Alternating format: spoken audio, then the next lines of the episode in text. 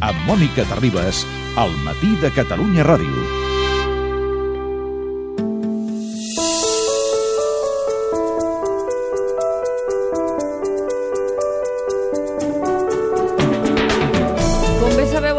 Fidels al matí de Catalunya Ràdio, a nosaltres cada 15 dies ens agrada aturar-nos en diverses qüestions. Els dimecres ho fem al racó de pensar i els dijous ho fem en l'economia.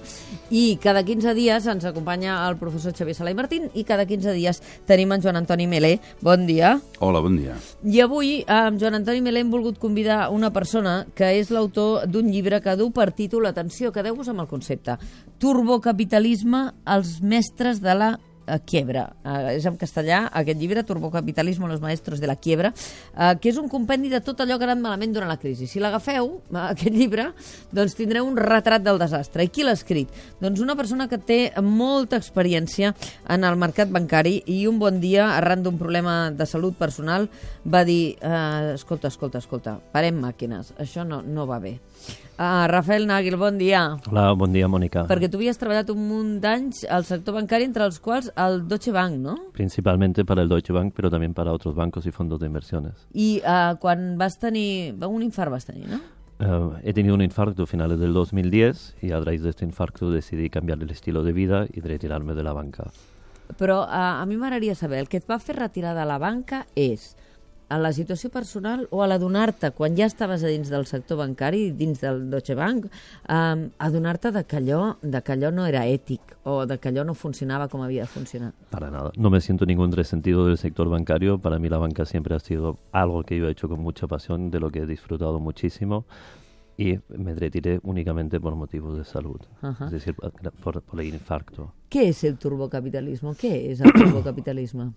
En el año 1996, un economista y trabajador de la inteligencia americana definió por primera vez el, la palabra turbocapitalismo. El, turbocapitalismo, para tanto para Edward Ludwig como para mí, significa este, turbo, eh, este capitalismo tan acelerado que estamos teniendo, que be beneficia a muy, muy pocos y perjudica a muchísimos.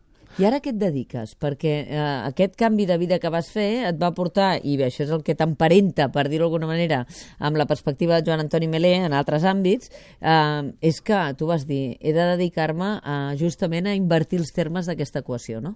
Exactamente, mira, actualmente me dedico a un banco de inversión, es decir, nos dedicamos a la compra-venta de empresas, reestructuraciones empresariales y de financiación.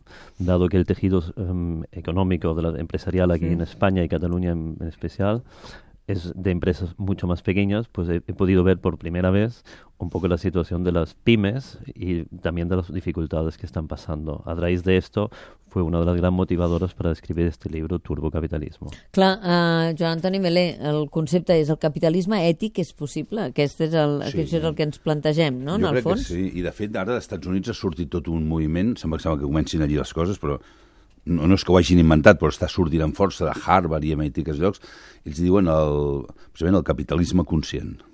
El capitalisme conscient, i és això, és dir, un tipus de capitalisme, és dir, moure capital s'ha de moure capital, no és dolent, perquè aquí hem anat a l'extrem, el capital és dolent, el capital és necessari, capital és intel·ligència, és diners, és propietat, però fet amb consciència i sempre posant l'ésser humà en el centre de l'economia. Sempre, sempre és el mateix. El ser humà és l'important, el planeta, i el benefici ha de ser un resultat. I això per sort, comença ja a parlar-se en algunes universitats, no sols als Estats Units, sinó també aquí. Ara és incipient. O sigui, hi ha gent que segueix lluitant per perpetuar el model i per dir que el mercat és així, que el mercat és així, i el mercat és així, o és al revés, el del mercat serà com ho fem nosaltres. No? Mm -hmm. Però sí que és possible fer un capitalisme ètic, i ètic vol dir vigilar que quan fem alguna cosa que no perjudiqui els altres i que no destrossi el planeta. Clar, aquest matí, eh, Rafael i, i Joan Antoni li dèiem als oients eh, que sapigueu que de tots els diners que es van posar per salvar els bancs en aquest país amb la crisi econòmica, el FROP, que ens hi van parlar molts dies del FROP, eh, del, del fons de rescat, eh, només se n'ha recuperat un 8%. I el Rafael, en el seu llibre de turbocapitalisme, diu és que la banca ha funcionat d'una manera que el Banc d'Espanya el que hauria és plegar i refundar-se, perquè no va funcionar la, el Banc d'Espanya com a mecanisme controlador, ¿no? El principal problema que creo que ha tenido España que la banca se ha desprofesionalizado muchísimo. Que si miramos el panorama del 2000 al 2016, pues nos damos cuenta que la mayoría de las entidades bancarias locales, caixas, etcétera, pequeñitas, locales, han desaparecido porque se han olvidado de su principio territorial, es decir, actuar únicamente en una zona predeterminada, pequeñita. Esto ha pasado principalmente porque la política ha tenido la idea magnífica de sustituir a banqueros profesionales por políticos impuestos, como podemos ver en el caso de Drato, Blesa, etcétera.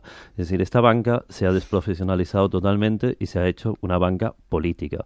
También coincido totalmente con Joan Antoni, el dinero no es bueno ni malo. Para mí el dinero es una herramienta y depende de lo que hagamos con la herramienta. La herramienta la podemos utilizar para el bien y para el mal, obviamente. Principalmente creo que toda esta situación bancaria aquí en España se está convirtiendo casi en, una dictadura bancaria. Estamos convirtiéndonos aquí en un país que tiene 15 entidades bancarias, de las cuales 4 controlan el 80% de la cuota del mercado. déu nhi lo que carrega contra el Banc de Santander el teu llibre, diguéssim. No, el Banc de Santander és paradigma de... Para mí no es ningún paradigma, es decir, este, en general no quiero acusar, quiero hacer reflexionar. No tengo nada en contra especialmente del Banco Santander o de cualquier otro color, es decir, ha surtido, ha salido un poco porque, bueno, ha salido y porque era un caso muy obvio lo que teníamos aquí con la compra de los créditos impagados a través de una sociedad del hijo de Emilio Botín que se dedica a comprar los créditos impagados. Mm. Aquest és un dels problemes que tu has denunciat en diverses ocasions, que als bancs arriba un moment que, clar, com que el seu objectiu màxim és fer negoci, eh, algú em deia aquests dies, és que, clar, ja no és ni negoci dedicar-se a la banca, perquè ara... No, tal com la vam entendre, no?, perquè tal com estan els tipus d'interès que dèiem l'últim dia, negatius sí. i tal, però el problema és que no ve d'ara, o sigui, tot la, el moviment especulatiu podria ser un negoci banca, potser no tan gran com volen que sigui, limitant-se a fer banca de financiar un projectes reals, no especulatius. No? Però l'altre problema és el que apuntava ell, o sigui, aquesta barreja que hi ha des de fa molts anys és, és malaltissa del món financer amb el món polític. O sigui, els partits polítics depenen dels crèdits que els donen els bancs, i en el llibre també surt crèdits que no es tornen. O sigui, aquí qui mana, en aquest senyor que acaba de citar, que jo no vull, no vull donar noms, però acaba de parlar d'aquest banc que acabeu de dir, eh, li van trobar una fortuna suïssa i van dir, ho matem amb 200 milions? Doncs pues vinga, va, matem amb 200. Com que ho matem amb 200 milions? 200 o amb 2.000 o t'embargo tots els béns? Mm. Bueno, no sé el que tenia, perquè tampoc em crec, estic segur que això devia ser la calderilla. Però do, 200, o per què 200? O sigui, o sigui, hi ha unes lleis, doncs apliquem la llei, però clar, si aquest està finançant els partits i pues, pues, aquesta és la problema. I enterrat amb honors... Eh... Bueno, i els, els governants, jo me'n recordo quan el, el Zapatero volia anar al, al G20, que no el convidaven, i es van anar a reunir amb els màxims dirigents de, dels tres bancs, BBVA, Santander i la Caixa, la fotografia als diaris és espectacular tots estarrufats així mirant enrere, i el president ha corrocat així demanant permís perquè l'ajudessin. Qui està manant, no? Aquest és el problema. A les portes giratòries és una de les qüestions que Rafael Nagel aborda turbocapitalisme, no? Aquest és un dels problemes eh, que tenim. Principalmente la desprofesionalización de la banca. Es que hemos tenido de verdad aquí presidentes, consejeros que venían del sector de la política, que no tenían sí. ninguna idea del sector bancario. ¿Cómo puede gestionar una entidad bancaria alguien sin conocimientos básicos? No le dejaríamos ni regentar a un hospital. Clar, ell posa un exemple, en aquell explica que el secretari del Consell d'Administració del Santander, Jaime Pérez Renovales, va ser fitxat per Soraya Sáenz de Santa Maria pel govern com a subsecretari de Presidència i després va tornar al banc al cap de 3 anys. Clar, això estableix realment unes relacions eh, Esto es el problema del sistema. que poden ser pures, però no ho semblen.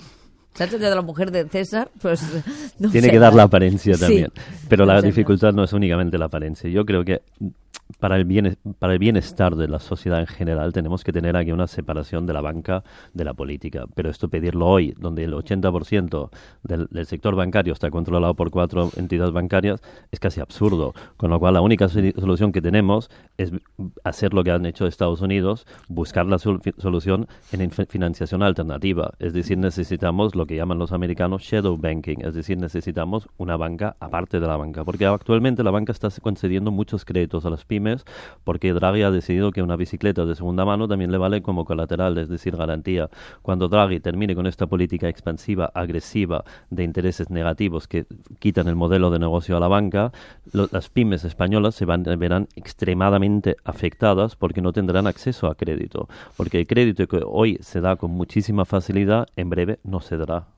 I tots aquests diners que no recuperarem, perquè dèiem, s'han recuperat un 8% del FROP, eh, els ciutadans que ens estan sentint, la ciutadania que ha pagat i que paga amb impostos tot el que al final l'Estat ha abocat en aquests bancs per acabar tenint un mercat bancari a Espanya que, que pràcticament és un oligopoli de quatre entitats. Quatre entitats que es mengen tot, com ara estaven comandant, però el que deia abans d'entrar, el que no entenc després de tot això, o sigui, hem sanejat les caixes dels bancs amb diner públic, els hi acabem de regalar als bancs que queden, però la gent segueix sotmesa i portant els diners als mateixos bancs. I alternatives, moltes no n'hi ha, però n'hi ha. O sigui, aquí hem parlat altres vegades de banca ètica i tal.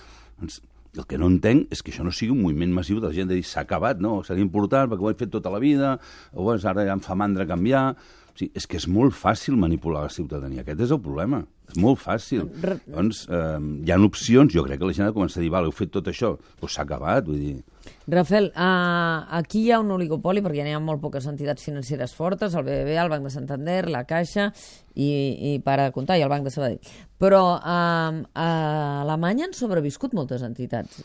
En Alemania han sobrevivido muchas entidades, pero mm, también nos estamos dando cuenta que un poco que España está haciendo un poco aquí el lacayo de Alemania, porque España cumple muy bien con lo que Alemania dice, pero no se da cuenta que Alemania hace op- justamente lo opuesto que predica para España. En Alemania a día de hoy tenemos 1.850 entidades bancarias, tenemos diversidad del, del sistema bancario. En Italia quedan aún a día de hoy 650 entidades bancarias y en España tenemos 15.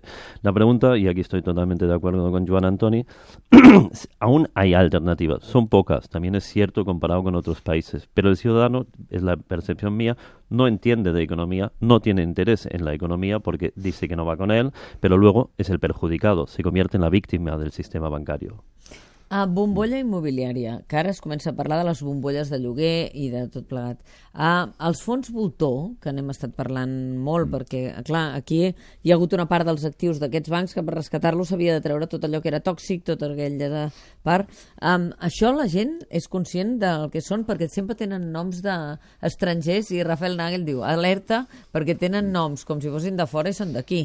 Ay, Dios, se han librado. Totalmente. Es, muchísimos de estos fondos buitres ya la definición ya, ya es mala por sí. Sí, ja ¿vale? fan angúnia. Fons voltor, Mucho. ai. Y encima tienen nomblo- nombres anglosajones. Yo creo que en general el ciudadano no debería de invertir en nada que no entiende. Yo creo que muchos, de- que parte de este gran desastre que tenemos en este país bancario de- y de lo que nos han dejado de esta fiesta terminada viene principalmente por un hecho. Los empleados de la banca no todos eran chorizos, no todo el mundo quería engañar a sus familiares, sus conocidos, sus amigos, pero les vendieron productos para vender que ellos mismos ni entendieron, ni, ni los compradores lo entendieron. Es decir, el que lo vendía no sabía lo que vendía, el que lo compraba menos lo entendía, porque eran productos est- estructurados de una tan gran complejidad que hasta para un economista tendríamos que pensar mucho para entenderlo. És el cas de les preferents? És, no, preferents encara és fàcil d'entendre, però jo estic totalment d'acord amb el que està dient.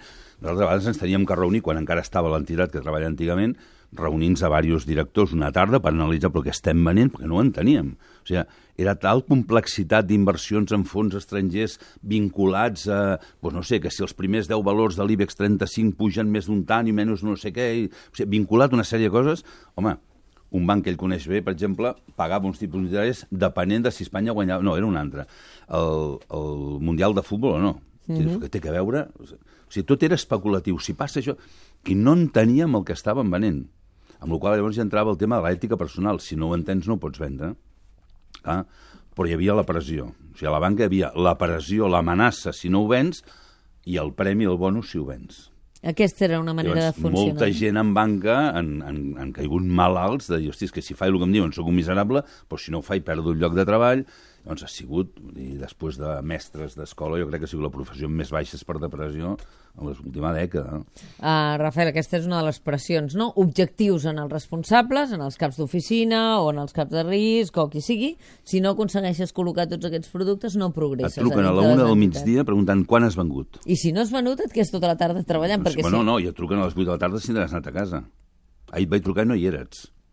Sí, clar, això crea un estat d'angoixa, més la, el bonus si ho fas, i, bueno, no ho dic per justificar, però hi havia gent, com deia ell, molt bona gent que no volien, però que venien a la pròpia família i ells mateixos hi queien. O sigui, imagina't la complexitat i l'engany amb el que ens hem mogut, no? Esto es el gran problema y principalmente lo que también dice Joan Antoni, mm, esto es un mercado donde hay que vender. El empleado de la banca se ha convertido en un puro comercial. No se no, ya no hay esta relación con el cliente del día a día. Todos lo habremos sufrido en nuestras oficinas bancarias que acudimos diariamente o semanalmente para ver el director. ¿A quién no le han cambiado en los últimos años al director? Esto ha parecido un carrusel. La gente ha subido y ha bajado. Ha sido tremendo. Y claro, encima que tienen esta presión por la venta, porque hay que vender producto, claro, no hay tiempo ni para explicárselo ni lo han entendido. Con lo cual yo aconsejo a todo el mundo que únicamente compre lo que entienda o que venda lo que entienda. Y aquí también estamos viendo que actualmente los sueldos de la banca están a un nivel miserable. Esta semana he ido en AVE a Madrid, por casualidad estuve sentado enfrente de un headhunter, de alguien que busca personal para la banca, y me estaba comentando que un chaval joven hoy, con 30 años, licenciatura, máster, que controla para una de las grandes entidades una cartera de más de 200 millones, gana la magnífica cuantía de 30.000 euros brutos anuales, responsabilidad sobre 200 millones un portfolio de 200 millones ganando 30.000 euros brutos.